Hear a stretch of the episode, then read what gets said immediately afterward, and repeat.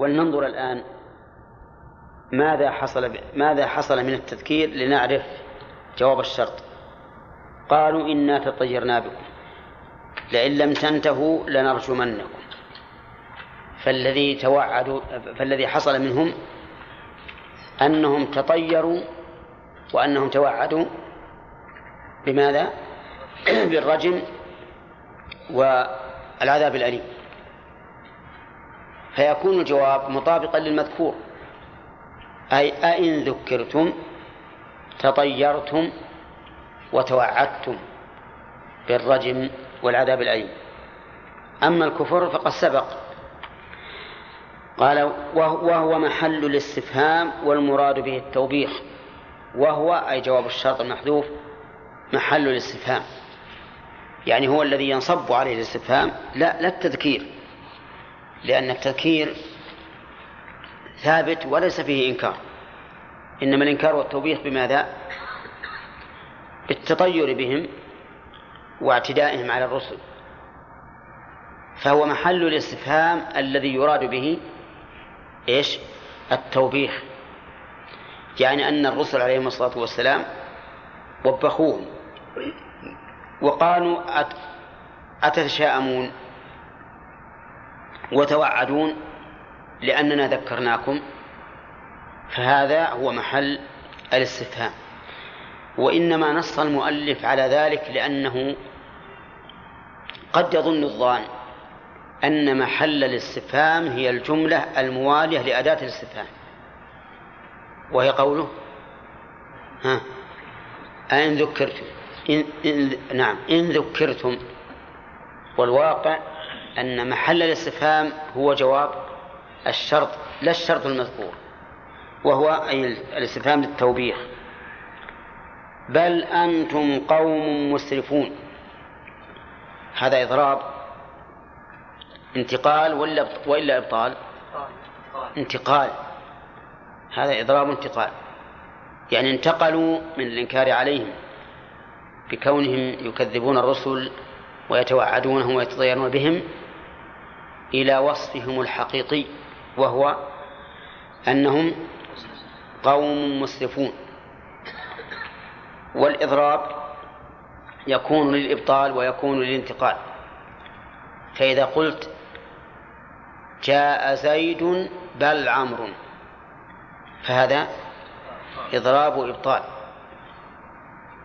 وإذا قلت زيد في شك بل هو منكر.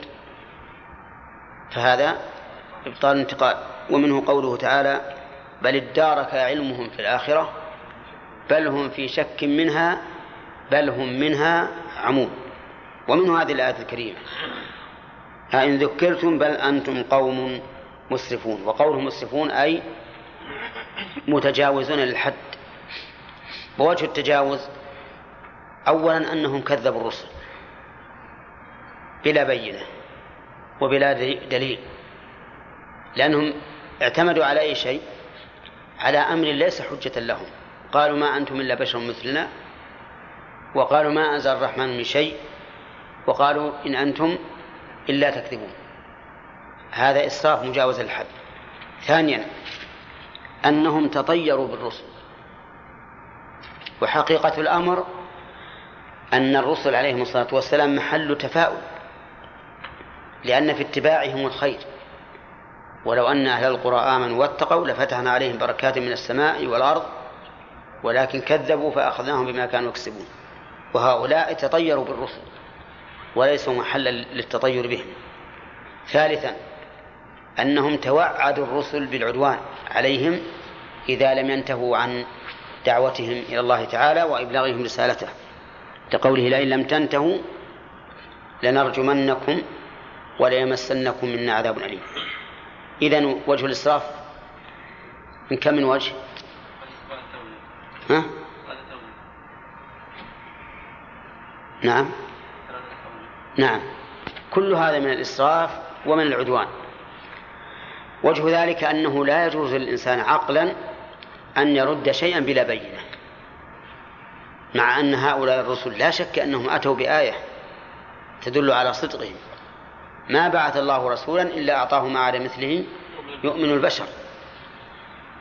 هذا عدوان. العدوان الثاني تطيرهم بالرسل والحقيقة أن التطير من أعمالهم هم لأن الرسل قالوا وصدقوا فيما قالوا قالوا طائركم معكم.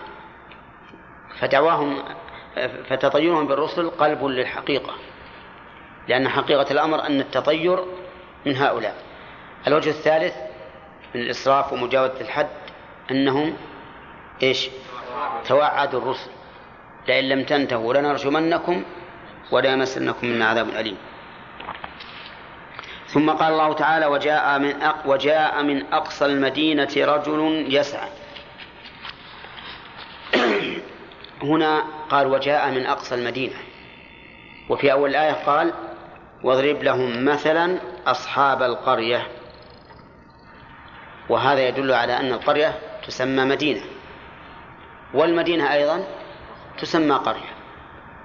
فمكة سماها الله تعالى قرية وهي أم القرى. وكأي من قرية هي أشد قوة من قريتك التي أخرجتك.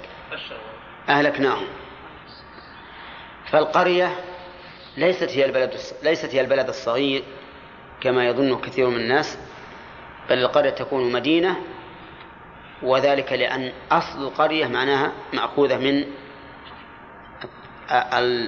القرى وهو التجمع.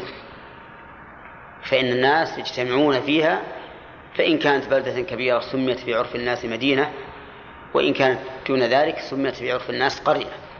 والتفريق بين القرية والمدينة ما هو إلا إيش؟ اصطلاح عرفي فقط. أي نعم. أي تشاءموا بهم وأن الرسل بينوا أن الشؤم ملازم لهؤلاء ومعهم بسبب ذنوبهم. وسبق أيضا أن الرسل أنكروا عليهم أنكروا عليهم تكذيبهم للرسل وتوعدهم إياهم بالرجم وسبق أنهم وصفوهم بأنهم قوم مسرفون أي متجاوزون للحد وأظن أخذنا الفوائد فيها ها؟ ما أخذنا وصلنا إلى قوله قالوا إنا تطيرنا بكم أليس كذلك؟ طيب ها؟ الفوائد الفوائد. نعم. وقفنا إلى إيش؟ في الفوائد.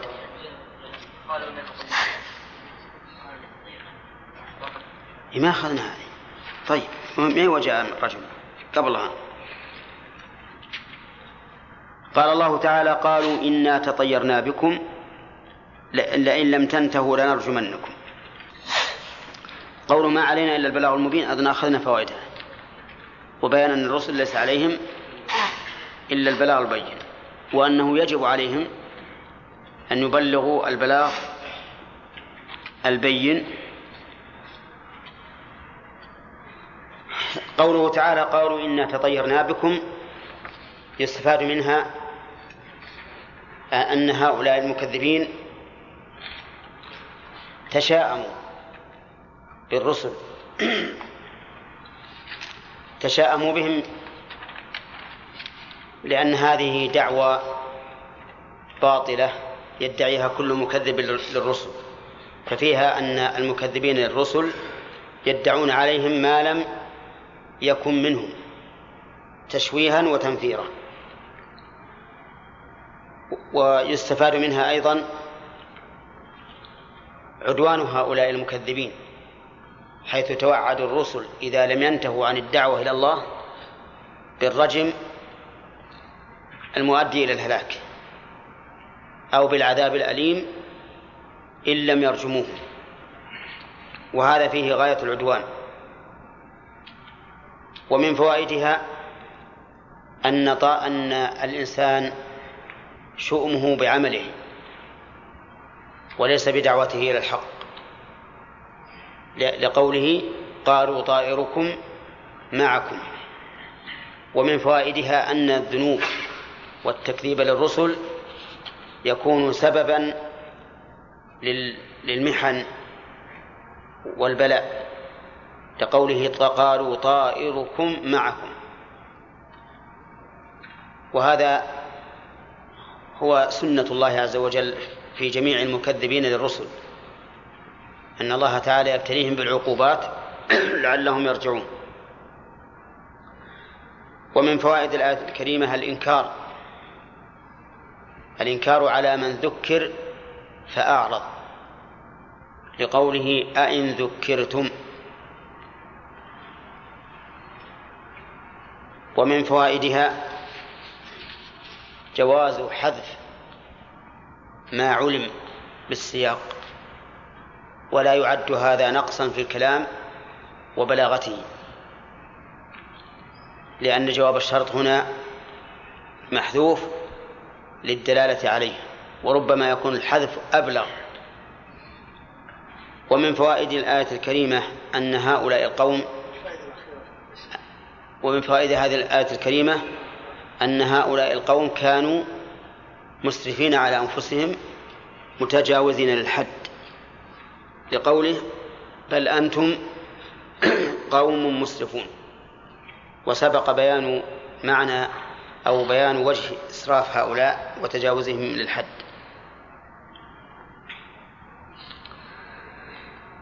ثم قال الله تعالى وجاء من أقصى المدينة رجل يسعى. قال المؤلف هو حبيب النجار كان قد آمن بالرسل ومنزله بأقصى البلد. قوله عز وجل جاء رجل من أقصى المدينة أي من أبعدها. إلى أي إلى أي مكان جاء؟ جاء إلى المكان الذي فيه الرسل والمكذبون لهم وهو وسط المدينة. لأن الغالب أن العلم والحضارة وكثرة وكثرة السكان تكون في الوسط. وهذا الرجل كان في أبعد المدينة. فسمع أن هؤلاء كذبوا الرسل وكان رحمه الله قد آمن فجاء ينصح قومه. والله عز وجل يقول رجل وهو نكرة غير معرف. والمؤلف يقول إنه حبيب النجار. وهذا الخبر أو هذا الاسم والتعيين لم يصح عن النبي صلى الله عليه وسلم ولعله متلقا عن بني إسرائيل. وموقفنا في مثل هذا أن لا ننكر ولا ولا نثبت. جاء رجل وجاء من أقصى المدينة رجل يسعى وهنا بدأ ببيان مكانه قبل ذكره. وفي وفي قصة موسى حين قتل القبطي ذكر الرجل قبل مكانه. هناك قال وقال رجل وجاء رجل من أقصى المدينة يسعى قال يا موسى إن الملأ يأتمرون بك. وهنا ذكر المكان قبل ذكر الرجل.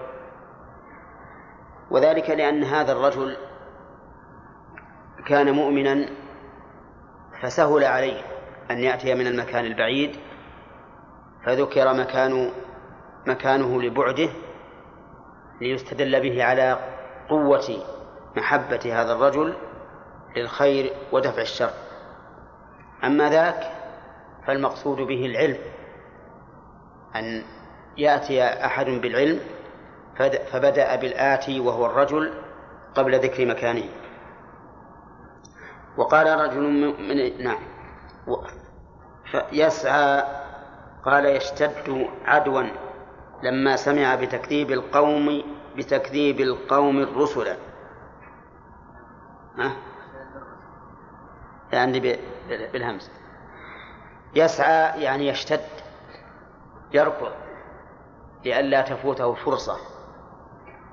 حين سمع بتكذيبهم قال يا قوم اتبعوا المرسلين. قال هذه جملة مفصولة عما عما قبلها أي أنها أتت بدون حرف العطف. كأنها جواب عن سؤال مقدر. فماذا قال حين جاء؟ قال قال يا قوم اتبعوا المرسلين. هنا قوم منادى منصوب بالنداء لأنه مضاف وقد حذفت منه ياء المتكلم وأصلها يا قومي ولكن حذفت الياء للتخفيف أو لالتقاء الساكنين لأن اتبع مبدوءة بهمزة وصل وهمزة الوصل ساكنة. على كل حال قال الرجل يا قوم اتبعوا المرسلين. ولم يقل يا أيها السفهاء يا أيها الجهال بل قال يا قوم توددا وتعطفا لهم. ولم يقل يا إخوتي لأنه لا أخوة بين المؤمن والكافر. فهو مؤمن وهم كفار. لكن يا قوم نعم ويصح أن يقال قوم ولو كانوا كفارا. قال الله تعالى مخاطبا رسول الله صلى الله صلى الله عليه وسلم وكذب به قومك وهو الحق. قال يا قوم اتبعوا المرسلين اتبعوهم بما دعوكم إليه من الإيمان والعمل الصالح. لأن هؤلاء الرسل دعوا إلى ما دعت إليه الرسل كلهم وهو قوله تعالى وما أرسلنا من قبلك من رسول إلا نوحي إليه أنه لا إله إلا أنا. إيش بعدها؟ فاعبدون. أنه لا إله إلا أنا فاعبدون. فهم دعوا إلى هذا إلى الإيمان والعمل الصالح. اتبعوا المرسلين اتبعوا تأكيد للأول من لا يسألكم أجرا. كرر الأمر بالاتباع من باب التأكيد. اتبعوا المرسلين اتبعوا. ولو حذفت اتبعوا الثانية وقيل اتبعوا المرسلين من لا يسألكم أجرا. لصح الكلام. لكن ذكرت أو كررت للتأكيد. لأنها هي محط الخطاب وهي المقصود الأول بالخطاب أن يتبعوا المرسلين. وقالوا اتبعوا من لا يسألكم أجرا من أي الذي؟ وهم الرسل عليهم الصلاة والسلام فإنهم يدعون الناس ولا يتخذون ولا يطلبون على دعوتهم أجرا يعني أجرا من الناس لكنهم يؤملون أو يرجون من الله الأجر. أما من الناس فلا يأخذون أجرا للبشر هو الدعوة. فهم لا يتخذون أجرا على دعوتهم وعلى دلالتهم إلى الخير وإنما يرجون الأجر والثواب من الله. أجرا هنا محلها في الإعراب مفعول ثاني. ويسأل والكاف مفعول أول. وهذان المفعولان من باب مفعولي ظن وأخواتها أو كسى وأخواتها كسى وأخواتها نعم لا يسألكم أجرا. وهم مهتدون. وهم مهتدون. فبين هنا أن هؤلاء الرسل على على هدى وليسوا على ضلال. وهم لا يسألون أجرا على ما دعوا إليه. وقوله وهم مهتدون يحتمل أن تكون الواو للاستئناف وأن تكون للحال يعني لا يسألونكم أجرا مع كونهم مهتدين ويحتمل أن تكون الاستئناف وهو الأقرب لبيان حال هؤلاء الدعاة أنهم أنهم على هدى. ثم قال المؤلف فقيل له أنت على دينهم؟ فقال وما لي لا أعبد الذي فطرني. ما قدره المؤلف من أنهم من أنه قيل للرجل أنت على دينهم لا لا يتعين. بل يجوز أن يكون الرجل قال وهم مهتدون وما لي لا أعبد الذي فطرني على أن على أن على أن المراد به هؤلاء القوم. كأنه قال وما لكم لا تعبدون الذي فطركم. لكن أضافه إلى نفسه من باب من باب التلطف بالخطاب. وهذا هو الأقرب. هذا هو الأقرب. أولا لأن ما ذكره المؤلف لا دليل عليه. والسياق لا يستلزمه. وإذا كان لا دليل عليه من حيث النقل ولا دليل عليه من حيث السياق لأنه لا يستلزمه فالأصل عدمه ولا ولا ولا وجوده؟ الأصل عدمه. ثانيا أن ما قلناه أبلغ في التلطف بالدعوة بدل أن يقول وما لكم لا تعبدون الذي فطركم قال وما لي فأضاف الأمر إلى نفسه تلطفا. وقول ما لي الاستفهام هنا بمعنى الإنكار. يعني أي شيء يمنعني أن أعبد الله تعالى وحده. ولهذا قال لا أعبد أي لا أتذلل. للذي فطرني خلقني أي لا مانع لي من عبادته الموجود مقتضيها. وأنتم كذلك. قوله لا أعبد تقدم لنا أن العبادة هي التذلل لله عز وجل. بفعل أوامره واجتناب نواهيه محبة وتعظيما. وأن العبادة تطلق على التعبد الذي ذكرناه وعلى المتعبد به وهي الأفعال التي يتعبد بها الإنسان أو الأقوال. وعلى هذا حدها شيخ الإسلام ابن تيمية بأنها هي اسم جامع لكل ما يحبه الله ويرضاه من الأقوال والأعمال الباطنة والظاهرة. وقولها الذي فطرني لم يقل لا أعبد الله ليقرن بين الحكم والتعليل وإن شئت فقل بين الحكم والدليل. لأن قوله الذي فطرني مقتض لكونه هو المعبود إذ أنه هو الخالق فلزم أن يكون هو المعبود. وهذا كقوله تعالى يا أيها الناس اعبدوا ربكم الذي خلقكم والذين من قبلكم. فقال الذي خلقكم كالتعليل للأمر بعبادته وحده.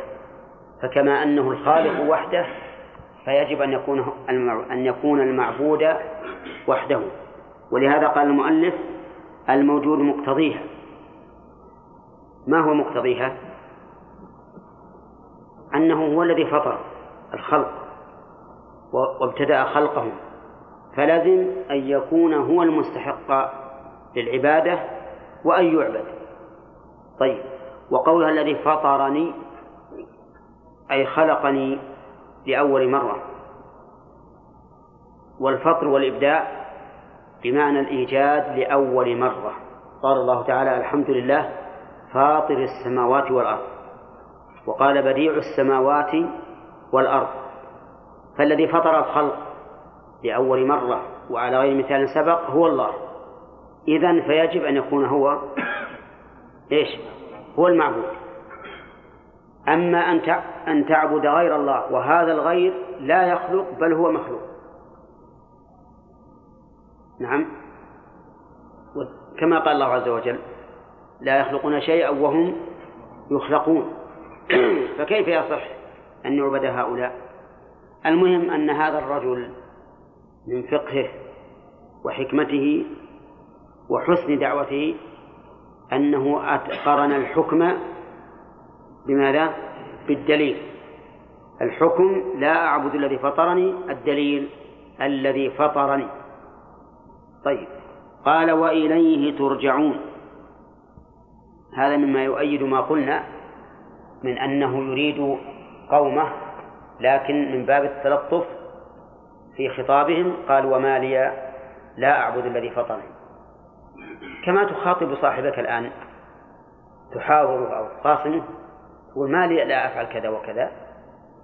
يعني وش المانع؟ فإذا كان لا مانع لي فهو لا مانع لك أيضا. قال وإليه ترجعون بعد الموت فيجازيكم. قال المؤلف بكفركم. ولو قال بعملكم لكان أشمل لأنه يجازيهم بالكفر إن استمروا عليه ويجازيهم بالإسلام إن أسلموا. فلو عبر المؤلف بقوله فيجازيكم بعملكم لكان أولى. ثم قال أأتخذ في الهمزتين منه ما تقدم. ما الذي تقدم؟ التحقيق والتسهيل وإدخال ألف بينهما وترك ذلك. قال ما تقدم في أنذرتهم وهو استفهام بمعنى النفي. فيكون معنى أتخذ أي لا أتخذ. وقد سبق لنا أن الاستفهام إذا أتى بمعنى النفي فإنه يفيد معنى التحدي ولكن هنا يفيد معنى الامتناع. غاية الامتناع. يعني أنني لا يمكن أن أتخذ من دونه أي غيره آلهة أصناما. طيب. يقول أتخذ من دونه آلهة. معروف أن اتخذ تنصب؟ أتخذ. مفعولين. من دونه المفعول الثاني. وآلهة المفعول الأول. ويجوز أن نجعل من دونه في في موضع نصب على الحال من من آلهة ويكون الثاني محذوفا. الأول محذوفا. أي أتخذ أصناما آلهة. وهذا هو الذي مشى عليه المؤلف لقوله أصناما. قال إن يردني الرحمن بضر لا تغني عني شفاعتهم التي زعمتموها شيئا ولا ينقذون صفة صفة آلهة. يريد المؤلف في الإعراب أي أن قوله إن يريدني الرحمن بضر لا تغني عني شفاعتهم شيئا هذه الجملة الشرطية صفة لآلهة. يعني لا أتخذ آلهة هذا شأنها. ما هو؟ أن الله لو أراده بضر لم تنفع لم تنفع شفاعتهم. لا تغني عني شفاعتهم شيئا. هذا معنى كلام المؤلف. وقيل إن الجملة استئنافية لبيان حال هذه الآلهة. أي أتخذ من دونه آلهة؟ ثم قال هذه الآلهة استئناف لا تغني شفاعتها شيئا من دون الله ولا تنقذ ولكن ما ذهب إليه المؤلف أظهر فتكون الجملة الشرطية في موضع نصب صفة إيش؟ لآلهة. قال إن يردني الرحمن بضر يعني إن يردني الله عز وجل وذكر الرحمن لأن الرحمن اسم يدل على الرحمة. ولما كان الضر قد يفهم منه من يفهم من الناس. انتفاء الرحمة عن عن المريد ذكر ذكر ذلك باسم الرحمن لئلا يظن الظان أو يتوهم الواهم هذا الوهم. أن إرادة الله الضر للإنسان تنافي الرحمة. لأن إرادة الضر في الإنسان قد يكون من رحمة الإنسان. قال الله تعالى ظهر الفساد في البر والبحر بما كذبت أيدي الناس ليذيقهم بعض الذي عملوا لعلهم يرجعون. فما يصيب الإنسان من الضر له نتائج حميدة وهي الرجوع إلى الله عز وجل والاعتبار بما جرى. فلهذا قال إن يردني الرحمن بضر لا تغني عني شفاعتهم. أي لا تنفعني بشيء. والشفاعة في الأصل هي التوسط للغير بجلب منفعة أو دفع مضرة. هذه الأصنام التي تعبد من دون الله يدعي عابدوها أنهم إنما عبدوها لتقربهم إلى الله. كما قال الله تعالى والذين اتخذوا من دونه أولياء ما نعبدهم يعني يقولون ما نعبدهم إلا ليقربونا إلى الله زلفى. إذن فهم يدعون أنهم يعبدونها لتشفع لهم. وهل هذا الوهم أو هذا الظن صحيح؟ الجواب لا. لأنهم عبدوها لم يتخذوها وسيلة بل جعلوها غاية ولهذا لا يخطر في قلوبهم عند التعبد لها إلا تعظيم هذه الأصنام. وينسون الخالق عز وجل. لكن يقول التي زعمتموها يعني بناء على دعواهم أنهم يعبدون هذه الأصنام من أجل أن تشفع لهم. قال لا تغني شفاعتهم شيئا ولا ينقذون. ولا ينقذون من أي شيء؟ أي من الهلكة أو من الضر الذي أراده الله به. ويأتي إن شاء الله بقية الكلام على هذا. وتعالى وجاء رجل وجاء من أقصى المدينة رجل يسعى قال يا قوم اتبعوا المرسلين. اتبعوا من لا يسألكم أجرا وهم مهتدون. اقرب شوية. تقدم أنت نعم تقدم بالصف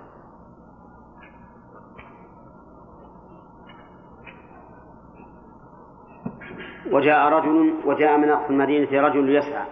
من هذا الرجل يا عادل؟ نعم. وما رأيك في من يحاول أن يسمي المبهم في كتاب الله.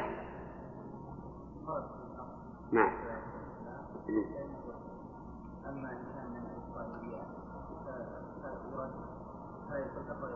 فلا يصدق ولا يكذب. هذا هذا صحيح. هذا حكم ذكر المبهم لكن ما من يحاول ويتعب نفسه في بيان المبهم.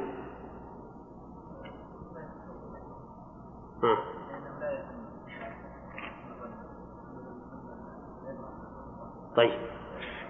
يعني محاولة معرفة الأشياء المبهمة من فوائد الآية الكريمة بيان نصح هذا الرجل لقومه من وجهين. الوجه الأول أنه جاء من مكان بعيد وجاء من أقصى المدينة.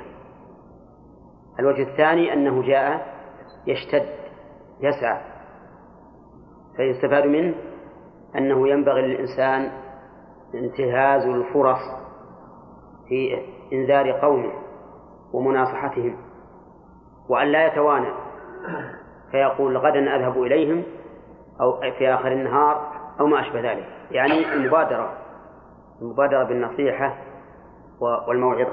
لأن هذا الرجل كما تشاهدون من فوائد الآية الكريمة أنه يجوز للإنسان أن يبادر بالإنذار قبل أن يقدم له مقدمة إذا دعت الحاجة إلى ذلك لقوله اتبعوا. أمرهم من أول الأمر لم يأتي بمقدمة تهيئهم للقبول لأن الحال تستدعي ذلك. ومنها أيضا أنه ينبغي التلطف في القول في دعوة الغير. كقوله يا قوم يا قوم. فإن هذا يستوجب اتباعه وقبول نصحه. لماذا؟ لأن للإنسان حدبا على قومه. طيب من فوائد الآية الكريمة أيضا أن الرسل عليهم الصلاة والسلام لا يسألون الناس أجرا على ما أتوا به من الدلالة والهداية. كقوله اتبعوا من لا يسألكم أجرا. ومن فوائدها أيضا أنه ينبغي أن يقدم الوصف الموجب للقبول قبل الوصف المفضل للقبول. فهنا قال اتبعوا المرسلين والرسالة وصف يقتضي وجوب قبول المرسل. اتبعوا من لا يسألكم أجرا هذا من باب الكمال. من باب الكمال. ومن فوائدها أنه ينبغي للداعية إلى الله عز وجل أن يترفع عن عن أخذ ما في أيدي الناس من الأموال حتى وإن أعطوه. لأنه ربما تنقص ميزانيته إذا قبل ما يعطى من أجل دعوته وموعظته. لأن الرسل عليهم الصلاة والسلام لا يسألون الناس أجرا لا بلسان الحال ولا بلسان المقال. وبه نعرف قبح ما يستعمله بعض الناس وإن كان الحمد لله الآن قد قل يقوم ويعظ الناس موعظة. قد تكون بليغة فإذا انتهى قال إني أنا في حاجة وصاحب عائلة وما أشبه ذلك. صارت الموعظة الآن ها؟ للدنيا للأجر. طيب هل يستفاد من هذا أنه لا يجوز الأخذ على تعليم العلم؟ لا يجوز أخذ الأجر على تعليم العلم؟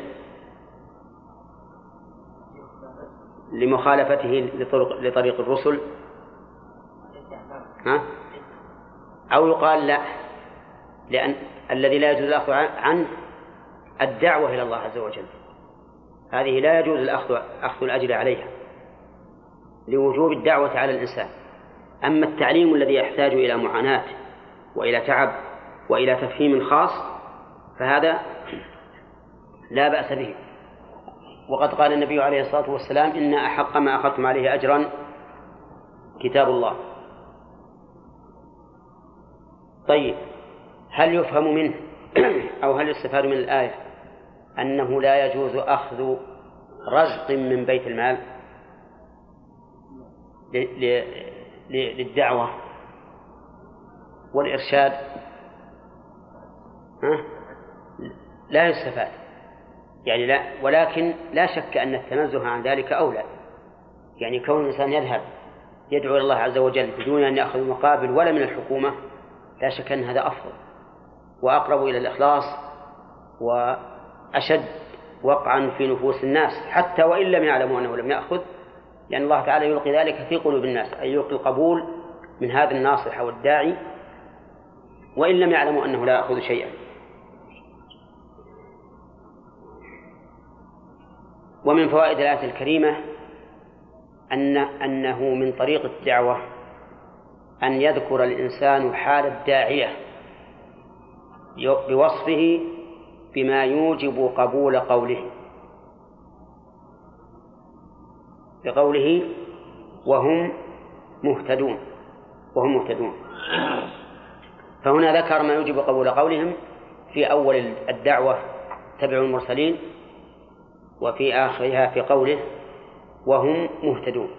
طيب من فوائد الآية الكريمة أيضا أنه يجب على من دعا إلى الله أن يكون على بصيرة وعلى علم لأن هذه أو لأن هذا هو وصف الرسل فهم يدعون إلى الله تعالى على على هدى منه. وأما من يدعو على غير هدى فإنه قد يفسد أكثر مما يصلح. لأن الذي يدعو على غير علم ربما يجعل الشيء الحرام حلالا والحلال حراما وهو لا يدري. فيحصل بذلك فساد في الدين والعقيدة. ومن فوائد الآية الكريمة أيضا جواز في قوله نعم نعم وفي قوله وما لي لا أعبد الذي فطرني من فوائدها أنه لا بأس للإنسان أن يضيف الشيء إلى نفسه على سبيل الفرض تلطفا. بقوله وما لي لا أعبد الذي فطرني. يعني على فرض أنني لم أنني أتخذ من دون الله آلهة فما الذي يمنعني أن أعبد الله عز وجل وحده؟ ومن فوائدها الإشارة إلى وجوب الإخلاص في العبادة. لقوله الذي فطرني فإن الله تعالى منفرد بفطر الخلق فيجب أن يفرد بالعبادة يجب أن يفرد بالعبادة فلا يدعي أحد أن الآلهة تخلق إذن لا يجوز أن تعطى شيئا من العبادة التي يختص بها من من هو؟ من يخلق وهو الله. ومنها أنه من كمال الدعوة والتعليم قرن الحكم بدليله أو علته لقوله الذي فطرني فإن هذا كالتعليل لقوله ما لي لا أعبد. ولهذا عدل عن قوله ما لي لا أعبد الله إلى قوله ما لي لا أعبد الذي فطرني. ليكون هذا كالدليل والتعليل لوجوب إفراده سبحانه وتعالى بالعبادة. نظير هذه الآية قوله تعالى يا أيها الناس اعبدوا ربكم الذي خلق ولم يقل اعبدوا الله بل قال ربكم الذي خلقكم ليكون ذلك كالتعليل لوجوب عبادته. وهذا في القرآن والسنة كثير. ومن فوائد الآية الكريمة أنه ينبغي ذكر ما يكون به الحذر والخوف بعد أن يذكر ما يكون فيه الرغب أو الترغيب والحث لقوله وإليه ترجعون فذكر ابتداء الخلق وانتهاءه وأنه كله إلى من؟ إلى الله عز وجل قال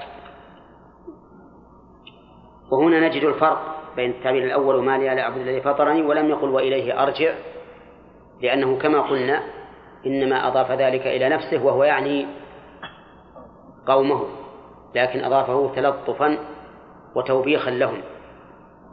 طيب فكأنه يقول أنا لا أعبد إلا الذي فطرني فلماذا تعبدون أنتم معه غير غيره وإليه ترجعون؟ ثم قال عز وجل أتخذ من دونه آلهة إلى آخره. فيه بيان الإنكار والتسفيه للذين يتخذون مع الله آلهة. لأن مراد الاستفهام هنا الإنكار والتسفيه والتوبيخ لهؤلاء. ومن فوائدها أن أنه ينبغي أيضا قرن الحكم بالتعليل. لأنه قال أتخذ من دونه آلهة إن يرد الرحمن بالضر إلى آخره. فهذه الآلهة لا تنفع ولا تضر ولا تدفع. فهي لا تنفع من عبدها ولا تضر من عدل عنها ولا تدفع عن عابديها ضرر الغير. واضح؟ يقول يقول عز وجل إن يردني الرحمن بضر لا تغني عني شفاعتهم شيئا. فهم الآن لا يستطيعون دفع ضرر الغير. وهم أي الآلهة ها لا ينفعون عابدين ولا يضرون من عدل عن عبادتهم. فهي قاصرة بنفسها لا تجلب نفعا ولا ولا ولا ضرا ولا تدفع الضرر. عن عابديها فتكون عبادتها خسرانا. ومن فوائد الآية الكريمة أن كل معبود فهو إله. لقولها أتخذ من دونه آلهة. لكن إن كان يستحق العبادة فعبادته حق. وهذا لا يكون إلا لمن؟ الله عز وجل. وإن كان لا يستحق العبادة وهو من سوى الله فعبادته باطلة. وألوهيته باطلة. ذلك بأن الله الحق وأن ما يدعون من دونه هو الباطل.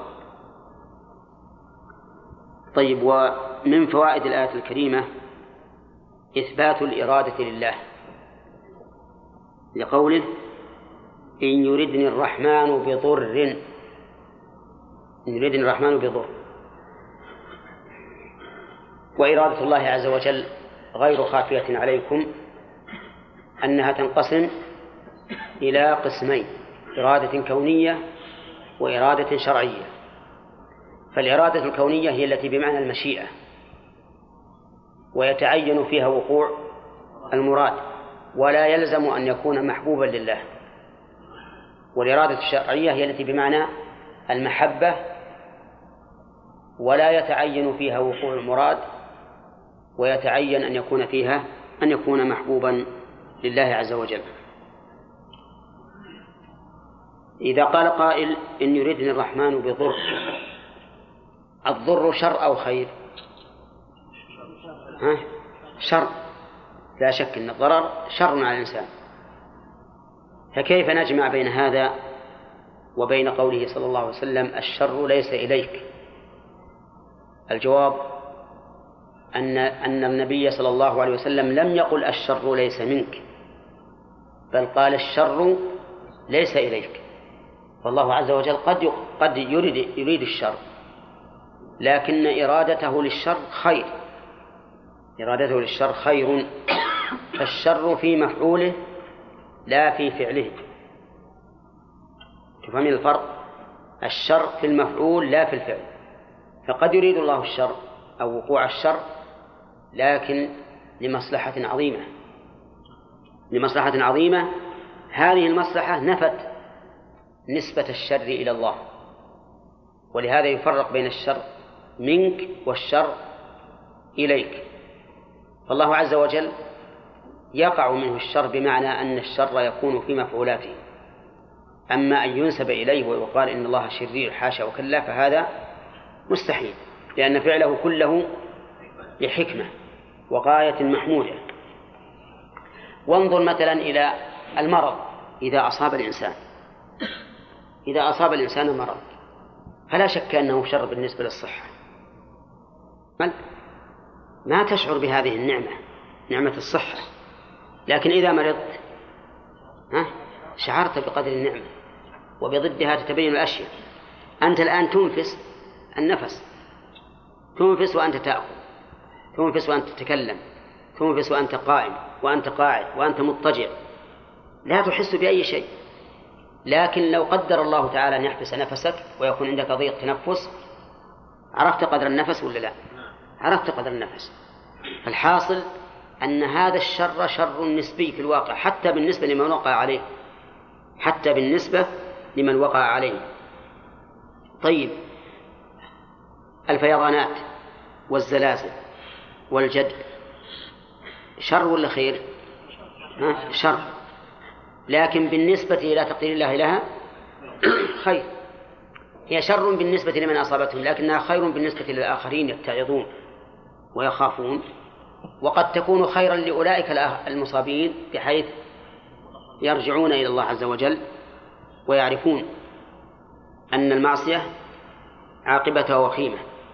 ظهر الفساد في البر والبحر بما كسبت يد الناس ليذيقهم بعض الذي عملوا لعلهم يرجعون. إذن فلا فلا منافاة بين قوله صلى الله عليه وسلم الشر ليس إليك وبين مثل هذه الآية. إن يريد الرحمن بضر. ومن فوائد الآية الكريمة إثبات صفة الرحمة لله. مأخوذ من قوله الرحمن. من قوله الرحمن لأن الرحمن وصف مشتق. والوصف المشتق يدل على المعنى المشتق منه ولا بد بخلاف الأسماء الجامدة كأسد وحجر وتراب وما أشبهها فهذه لا تدل على معنى على معنى. لكن الأسماء المشتقة لا بد أن تدل على معنى. هذا بالنسبة إلى أسماء الله ورسوله وكتابه. أما بالنسبة لمن تسمى بها من المخلوقين فقد تدل على المعنى وقد لا تدل. قد نسمي شخصا عبد الله وهو كافر بالله. وقد نسمي شخصا محمدا وهو مذمم. وقد نسميه خالد وهو سيموت. وقد نسميه صالح وهو من أفسد الناس. واضح؟ طيب. من فوائد الآية الكريمة أن عابد الأصنام يموهون على الناس بعبادتها فيدعون أنهم يعبدونها لتكون شفيعا لهم عند الله. وهذا عندما يسمعه السامع يظن أنهم يجعلون الآلهة في مرتبة دون الله لأن مرتبة الشافع دون مرتبة المشفوع إليه. أليس كذلك؟ فيقولون إنهم شفعاء لنا إلى الله. والحقيقة أنهم لم لم يجعلوهم شفعاء بل جعلوهم شركاء. بل جعلوهم شركاء لله واضح؟ كيف شركاء؟ لأنهم يعبدونهم كما يعبدون الله فيستفاد منه الحذر من التلبيس بالأسماء أو بالتسمية الحذر من التلبيس بالتسمية وأن صاحب الباطل قد يسمي نفسه بما يقتضي أن يكون على على حق وليس كذلك. وهذا موجود؟ ها؟ كثير كثير موجود.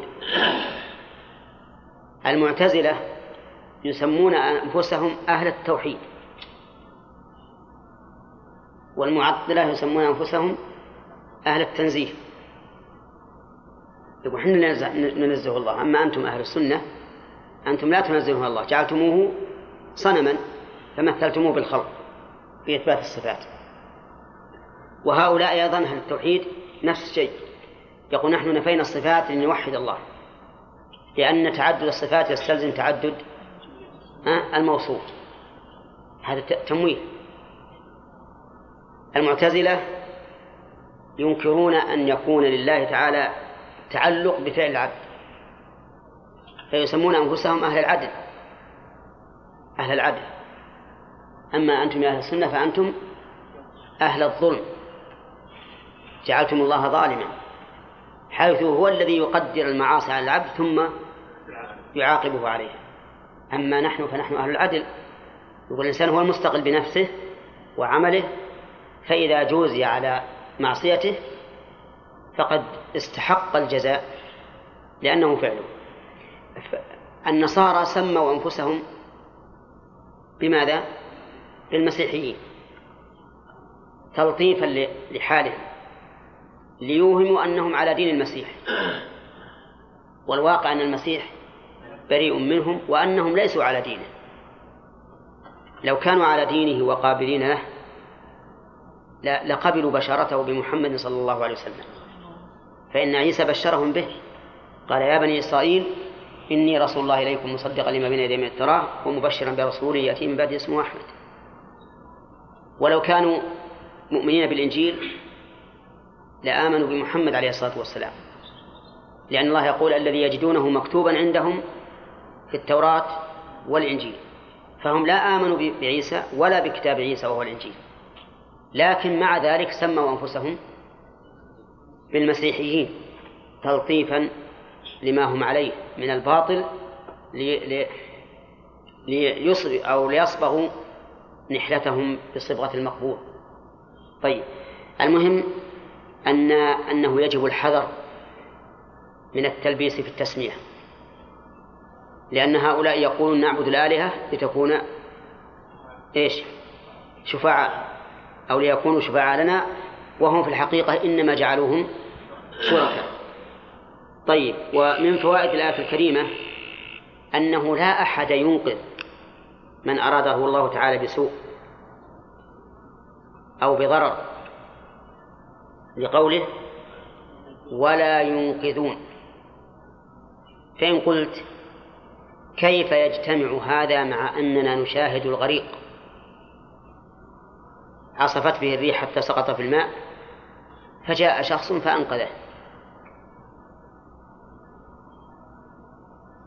فهذا أنقذ مما أراده الله عز وجل أنقذ مما أراده الله به من السوء.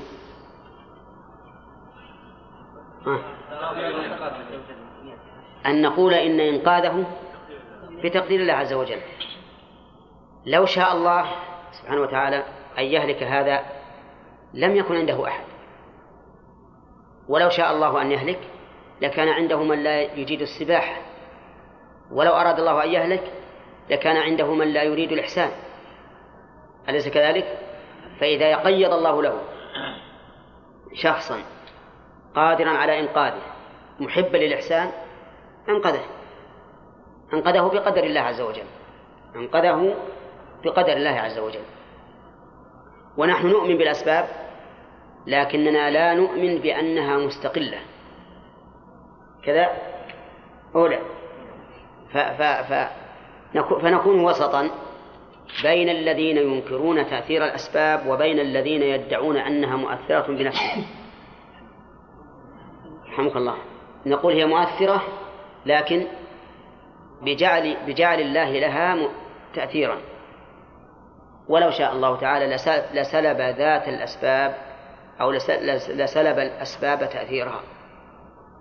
فالنار محرقة وباردة وقال الله تعالى لها حين ألقي فيها إبراهيم كوني بردا وسلاما على إبراهيم. فصارت إيش؟ بردا وسلاما. لم تكن سببا للإحرام. والماء جوهر سيال لا يمكن حجزه إلا بحواجز ثخينة. ولما ضرب موسى البحر صار صار الماء كالجبال بدون حواجز. وهذا خلاف الأسباب المعتادة لكنه بقدر الله عز وجل. وبه نعرف أن الأسباب مؤثرة بجعل الله تعالى لها تأثيرا وإلا لسقط تأثيرها لأن الكل بيد الله. وبمناسبة ذكر نار إبراهيم عليه الصلاة والسلام قال بعض المفسرين إن الله لما قال لها كوني بردا وسلاما على إبراهيم صارت جميع النيران في جميع أقطار الدنيا باردة ولا تحرق.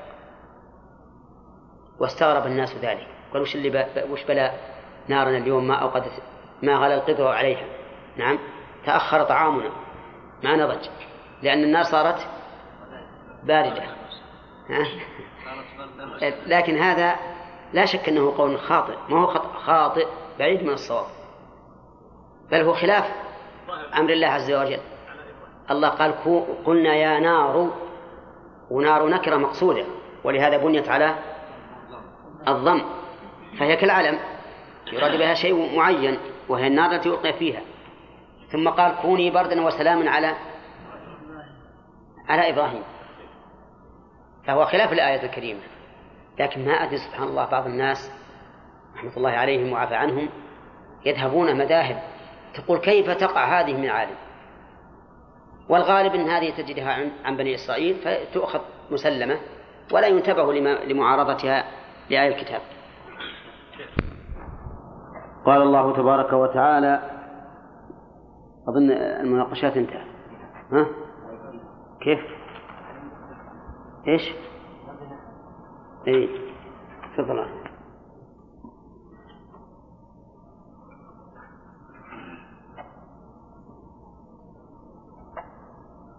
إني إذا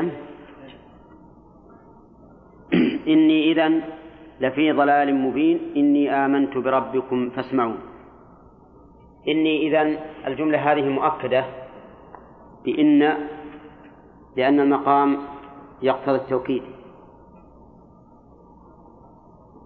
وقوله إذا أي إن عبدت غير الله. لقوله وما لي لا أعبد الذي فطرني. ويجوز أن نقدر إن اتخذت من دونه آلهة. بقوله أتخذ من دونه آلهة. وإذا هنا ظرف تدل على الحال. وإذا ظرف تدل على المستقبل. وإذ ظرف تدل على الماضي. فهذه الثلاثة تقاسمت الزمان. إذا للحال وإذا للمستقبل وإذ للماضي. وتأتي لغير ذلك إذ كما كما تأتي للتعليل مثلا إني إذا لفي ضلال مبين. اللام هنا للتوكيد فالجملة مؤكدة بمؤكدين. يعني إن اتخذت معه آلهة أو عبدت غيره لفي ضلال مبين قال المؤلف بين. والضلال هو أن يتيه الإنسان عن جادة الصواب. ثم إن كان عن علم كان طريقه طريق المغضوب عليه. وإن كان عن جهل كان طريقه طريق الضالين. وقد ذكر الله تعالى هذا في سورة الفاتحة فقال اهدنا الصراط المستقيم صراط الذين أنعمت عليهم غير المغضوب عليهم ولا الضالين. المغضوب عليهم هم الذين جانبوا الصواب عن علم. والضالون هم الذين جانبوه عن غير علم. والمهتدون الذين أنعم الله عليهم هم الذين عملوا بالصواب عن علم. ووجه كونه ضلالا مبينا أي اتخاذ آلهة من دون الله أنه حيدة عن الواجب شرعا وعقلا. الواجب شرعا أن لا نتخذ إلها مع الله. كما جاءت به جميع الرسل. والواجب عقلا أن لا نتخذ آلهة مع الله لأن الله سبحانه وتعالى هو الذي خلق الإنسان وفطره وهو الذي بيده النفع والضرر. فكيف نتخذ معه آلهة لم تخلق ولا تنفع ولا تضر؟ إني آمنت بربكم فاسمعون أعلن رحمه الله أنه آمن بالله عز وجل. وقال آمنت بربكم. وهنا قال وما لي لا أعبد الذي فطرني. إشارة إلى أنه ليس ربا له وحده بل هو رب للجميع. إني آمنت بربكم. والإيمان بالله عز وجل يتضمن الإيمان بأمور أربعة. الإيمان بوجوده والإيمان بربوبيته. وهنا صرح به في قوله آمنت بربكم فإثبات الربوبية إثبات للوجود. والثالث الإيمان بوحدانية بألوهيته والرابع الإيمان بأسمائه وصفاته أي أنه متفرد بالربوبية والألوهية والأسماء والصفات. وقوله آمنت مر علينا كثيرا أن الإيمان في اللغة التصديق عند كثير من من من المفسرين الذين يفسرون الإيمان. وقيل إن معناه إن معناه الإقرار والاعتراف فهو فهو أخص من التصديق. قال فاسمعوا. ألف هذه عاطفة على قوله آمنت بربكم أو على الجملة كلها.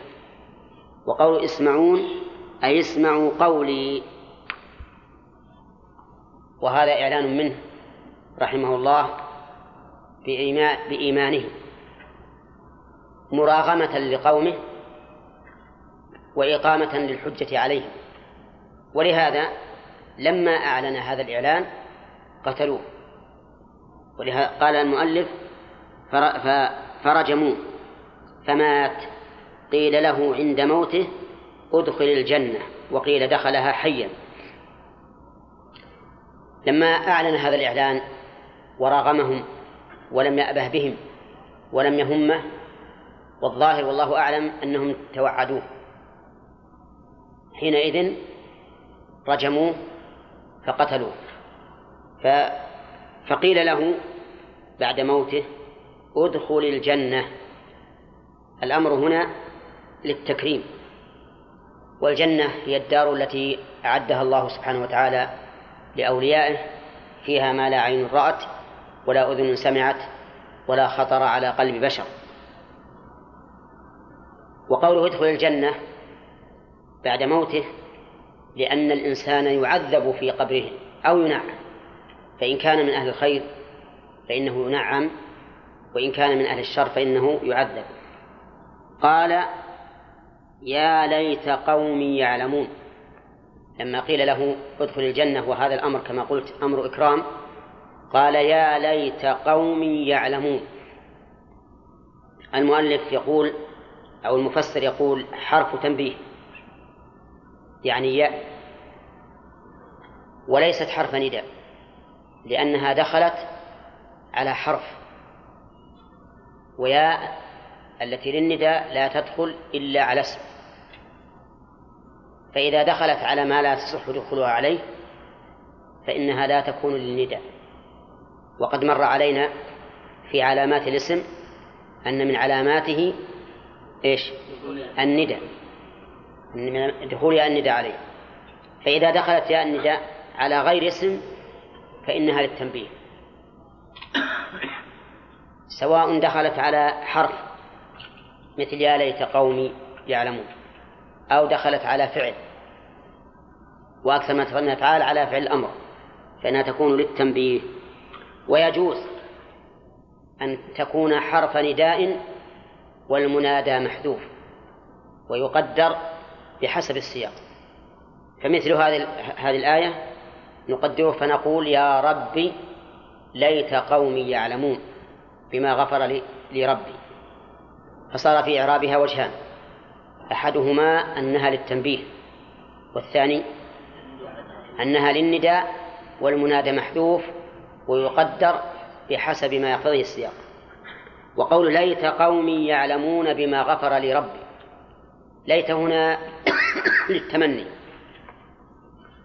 ولعل للترجي. والفرق بينهما أن التمني يكون فيما فيه تعذر. والترجي يكون فيما يقرب حصوله فيما يقرب حصوله. وما كان بين ذلك فتارة تستعمل فيه ليت وتارة تستعمل فيه لعل. فالأحوال ثلاث. ما قرب حصوله تستعمل فيه لعل. وما امتنع ليت. وما كان بين ذلك فأحيانا لعل وأحيانا ليت بحسب قربه من التعذر أو من القرب. قال يا ليت قومي يعلمون. يعلمون ما حصل له ولهذا قال بما غفر لي ربي بغفرانه وجعلني من المكرمين. بما غفر لي ربي. الباء هنا متعلقة بما يعلمون والعلم هنا بمعنى المعرفة. فلا تتعدى إلا إلى مفعول واحد وما مصدرية كما حلها المفسر وأولها إلى مصدر. قال بغفرانه. وهنا ينبغي أن نتذكر معاني ما. فمن الذي يذكرها لنا؟ نعم يا خالد. نعم قال المحامل مع عشر إذا رمت عدها فحافظ على بيت سليم من الشعر ستفهم شرط الوصل فاعجب بنكرها بكف ونفي زيل تعظيم ومصدر. تعظيم ومصدر. تمام. صار معانيها عشرة. ستفهم يعني الاستفهام. شرط الوصل فاعجب تعجبية. لنكرها نكرة. بكف كافة ونفي نافية زيد زائدة تعظيم للتعظيم. مصدر مصدرية.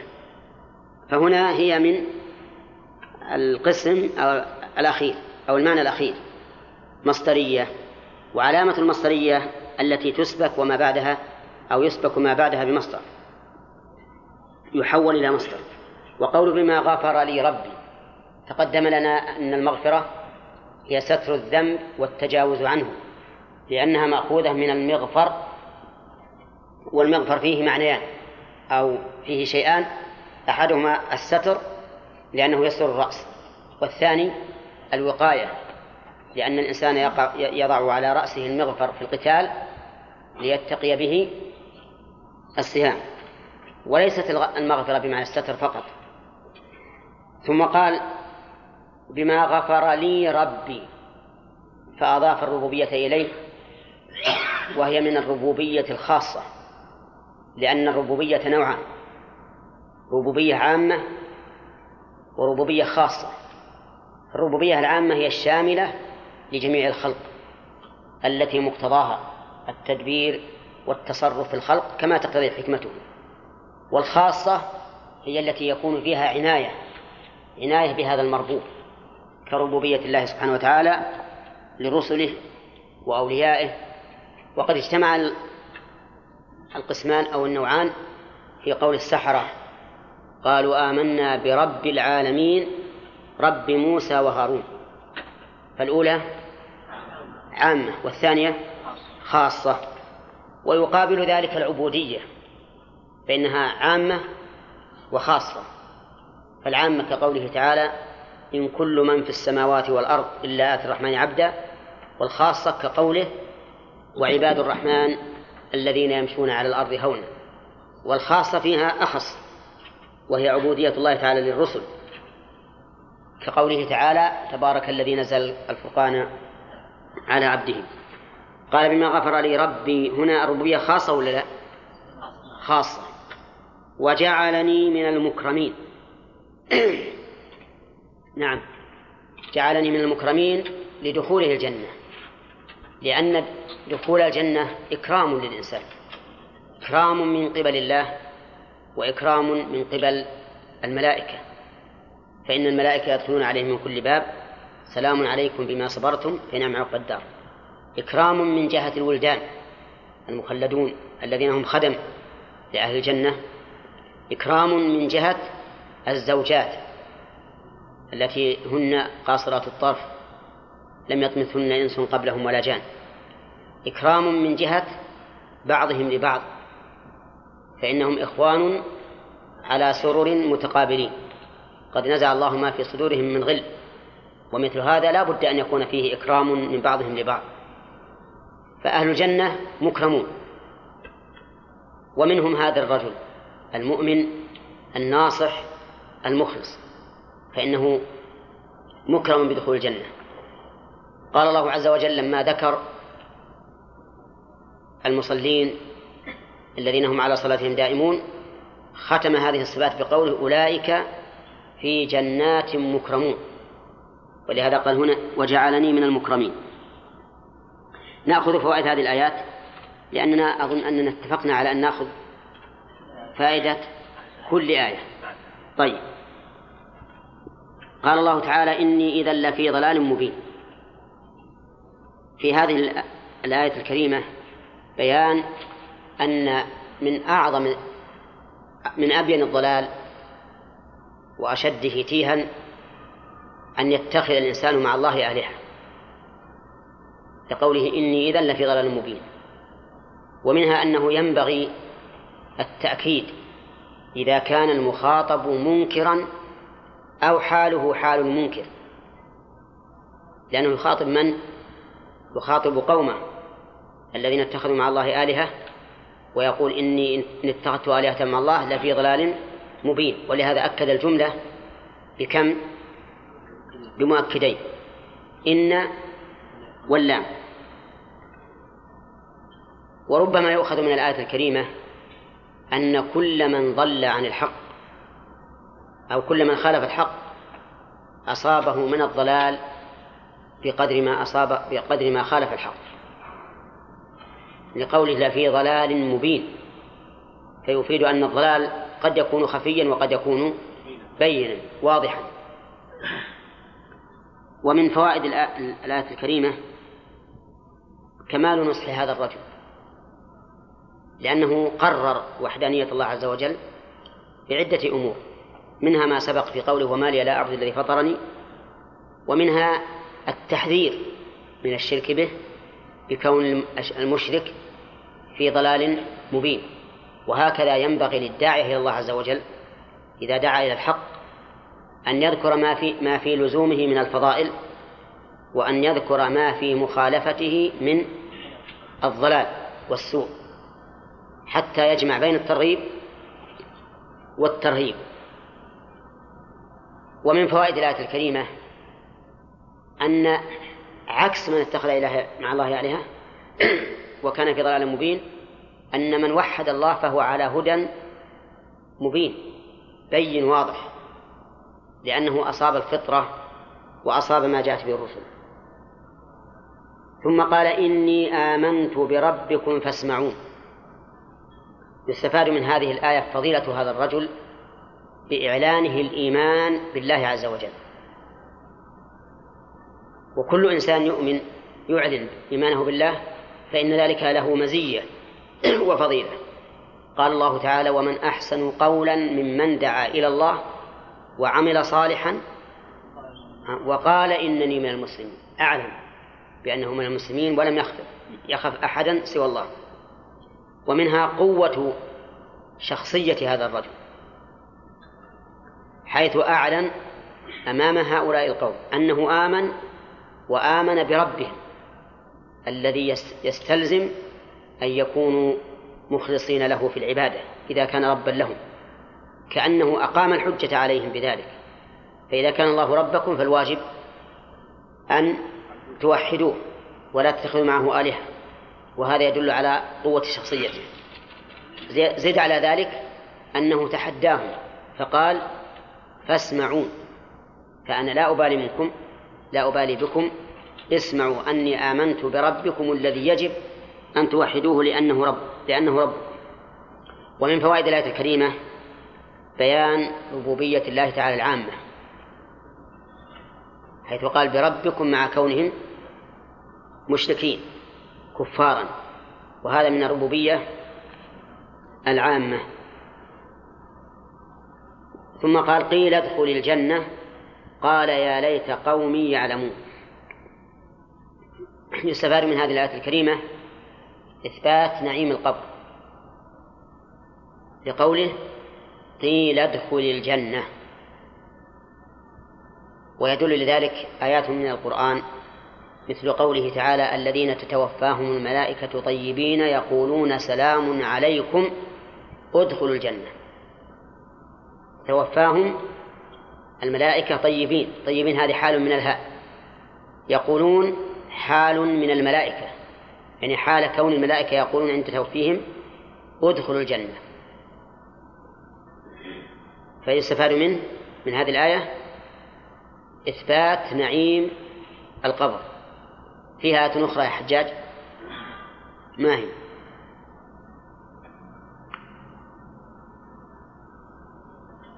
إثبات نعيم القبر.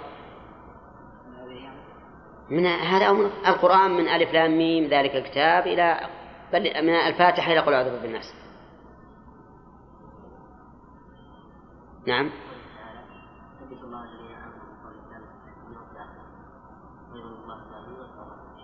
ما هي دليل؟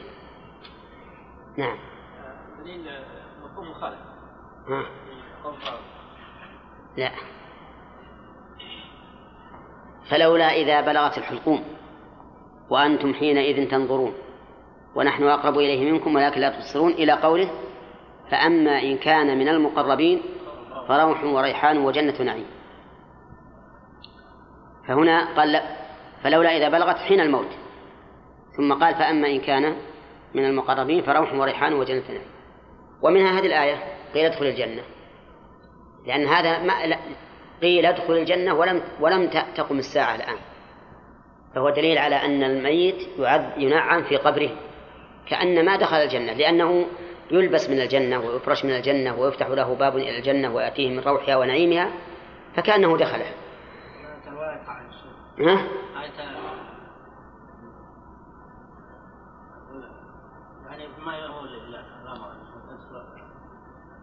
لا لا.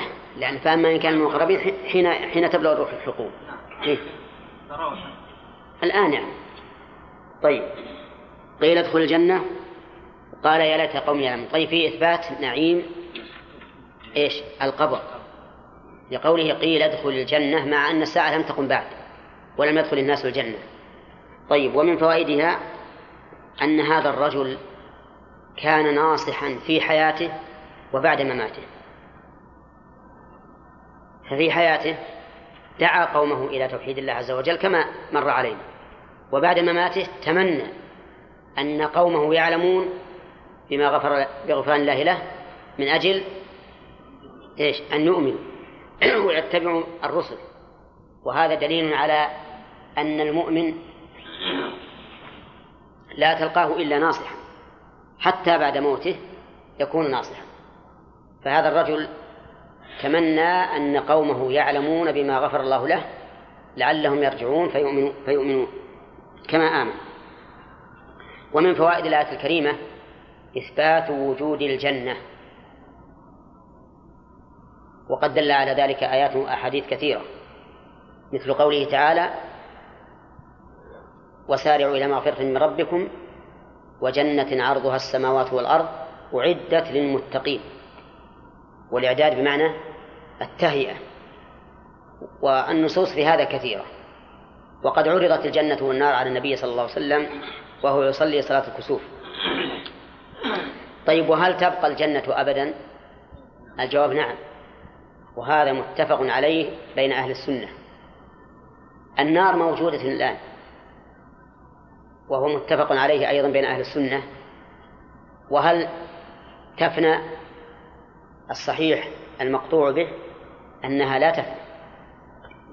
لأن الآيات صريحة في ذلك.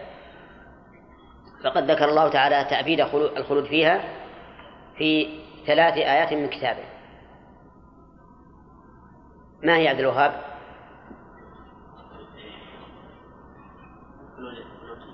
تأبيد الخلود في النار. ذكره الله في ثلاث آيات من القرآن.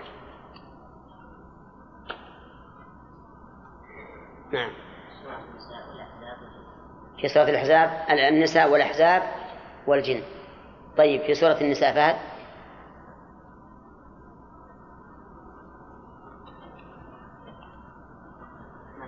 ها؟ ما, ما تذكرها؟ نعم. ها؟ طيب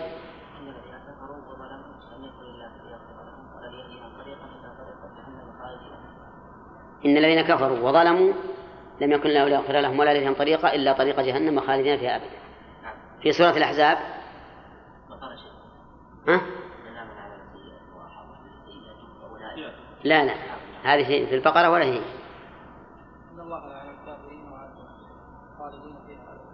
إن الله لعن الكافرين وأعد لهم سعيرا خالدين فيها أبدا.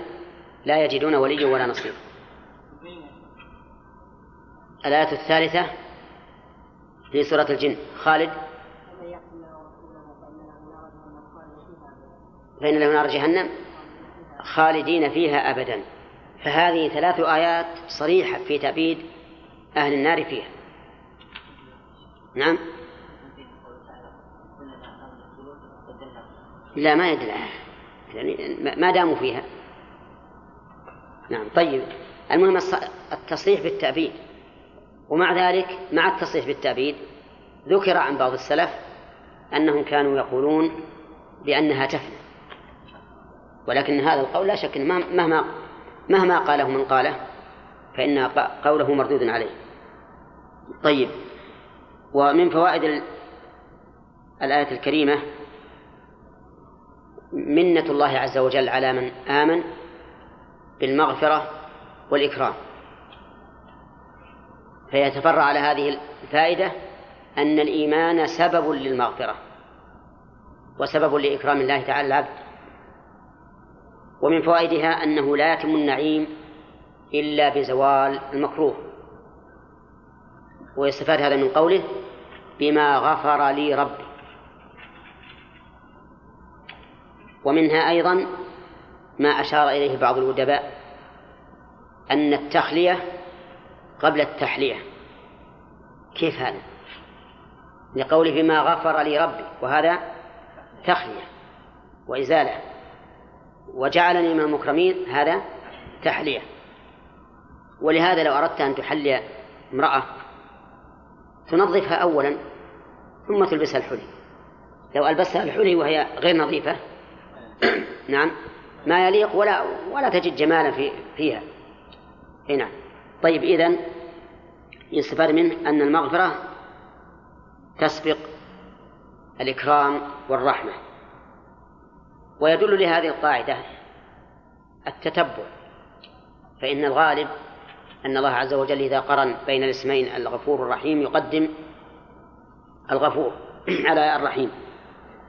طيب يقول بما غفر لي ربي ومن فوائد الآية أيضا إثبات الربوبية الخاصة. لقوله ربي فهذه من الربوبية الخاصة. ومن فوائدها أن الإكرام إكرام الله عز وجل لا يختص بهذا الرجل بل هناك عالم يكرمهم الله. لقوله وجعلني من المكرمين ففيه حث على أن على أن يفعل الإنسان كفعله لينال ما ناله. ولم يقل بما غفر لي ربي وأكرمني بل قال وجعلني من المكرمين ليبين أن الإكرام ليس خاصا به بل, بل الإكرام موجود لكل من قام بعمل كعمله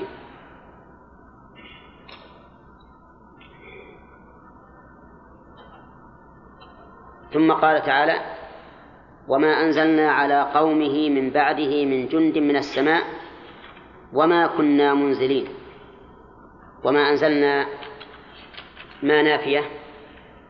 وقول على قوم قال المؤلف أي حبيب. بناء على أن اسمه حبيب وقد سبق أن اسمه لا يهمه. المهم القصة. على قومه من بعده أي من بعد أن هلك ومات على أيديهم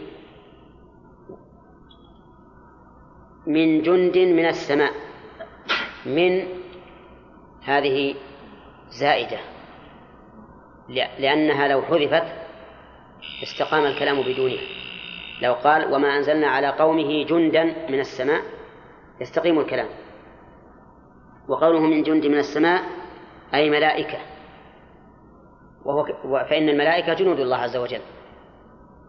قال الله تعالى وما يعلم جنود ربك إلا هو وقال تعالى وإن جندنا لهم الغالبون فالجند الملائكة لكن قال لإهلاكهم وما كنا منزلين ملائكة لإهلاك أحد. فلم تنزل ملائكة لإهلاك أحد. وقيل ما كنا منزلين لإهلاك هؤلاء لأنهم أقل وأحقر من أن يبعث الله ملائكة من السماء تهلكهم. وهذا هو الأقرب. فيكون النفي هنا خاصا بمن؟ بهؤلاء القوم. لأن الله أنزل ملائكة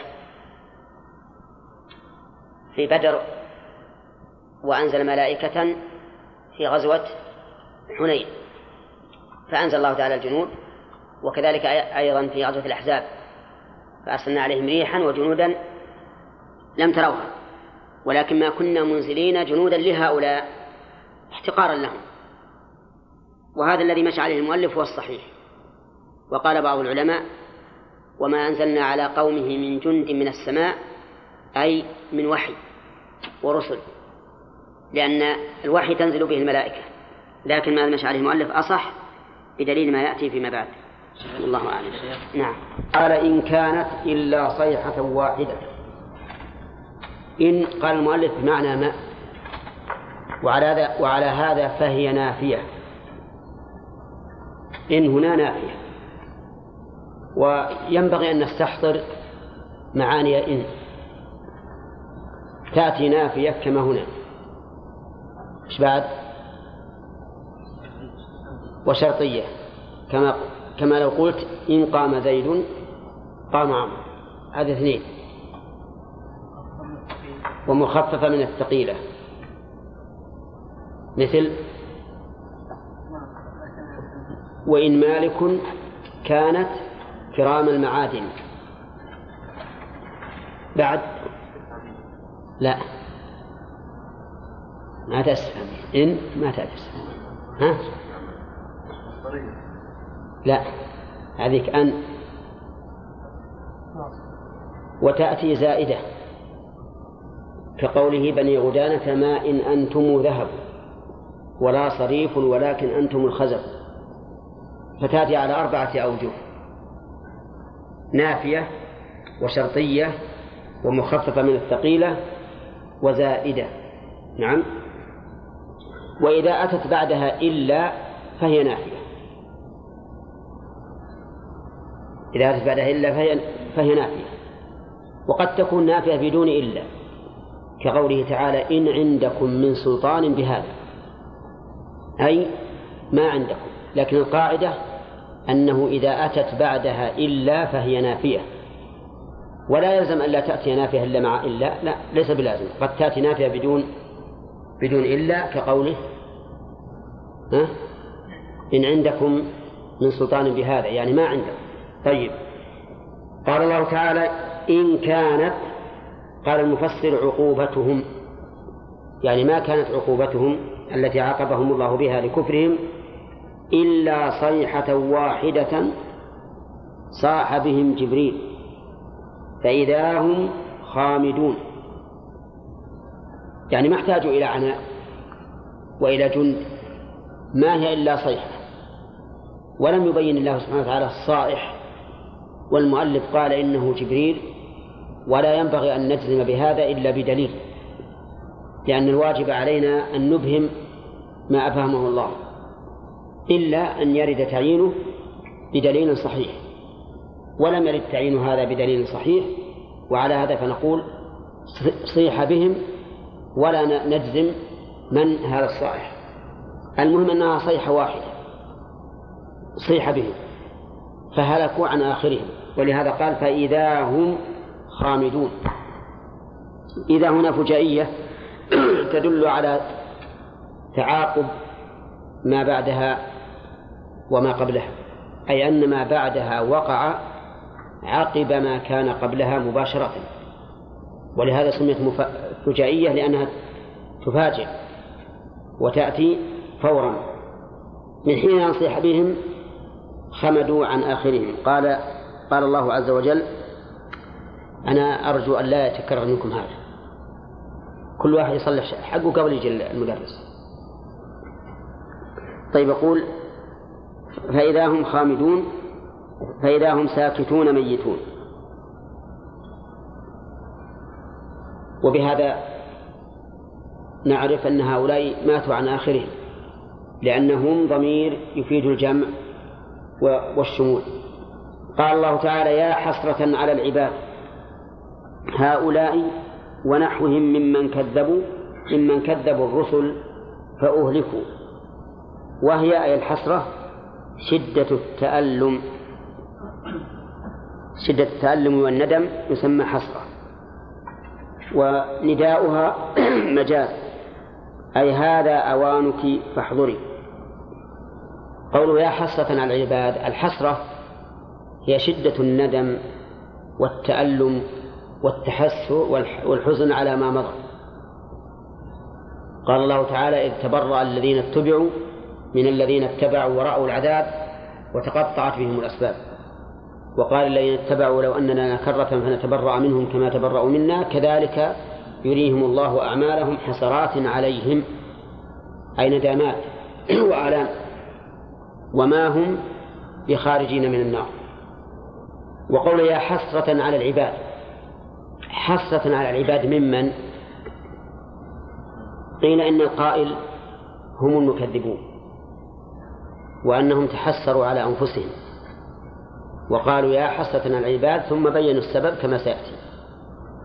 وقيل إن الحسرة من أتباع الرسل يعني من هذا الرجل ونحوه. يقول يتحسر على هؤلاء العباد. وقيل إن التحسر من الله عز وجل. ولكن ليس معناه أنه يتصف به بل المعنى أنه يبين حسرة العباد على أنفسهم. حسرة العباد على أنفسهم. فيقول يا حسرة واقعة على العباد واقعة عليهم. فتكون على قريبة من معنى من. يعني أن الله تعالى يبين أن هؤلاء العباد المؤمنين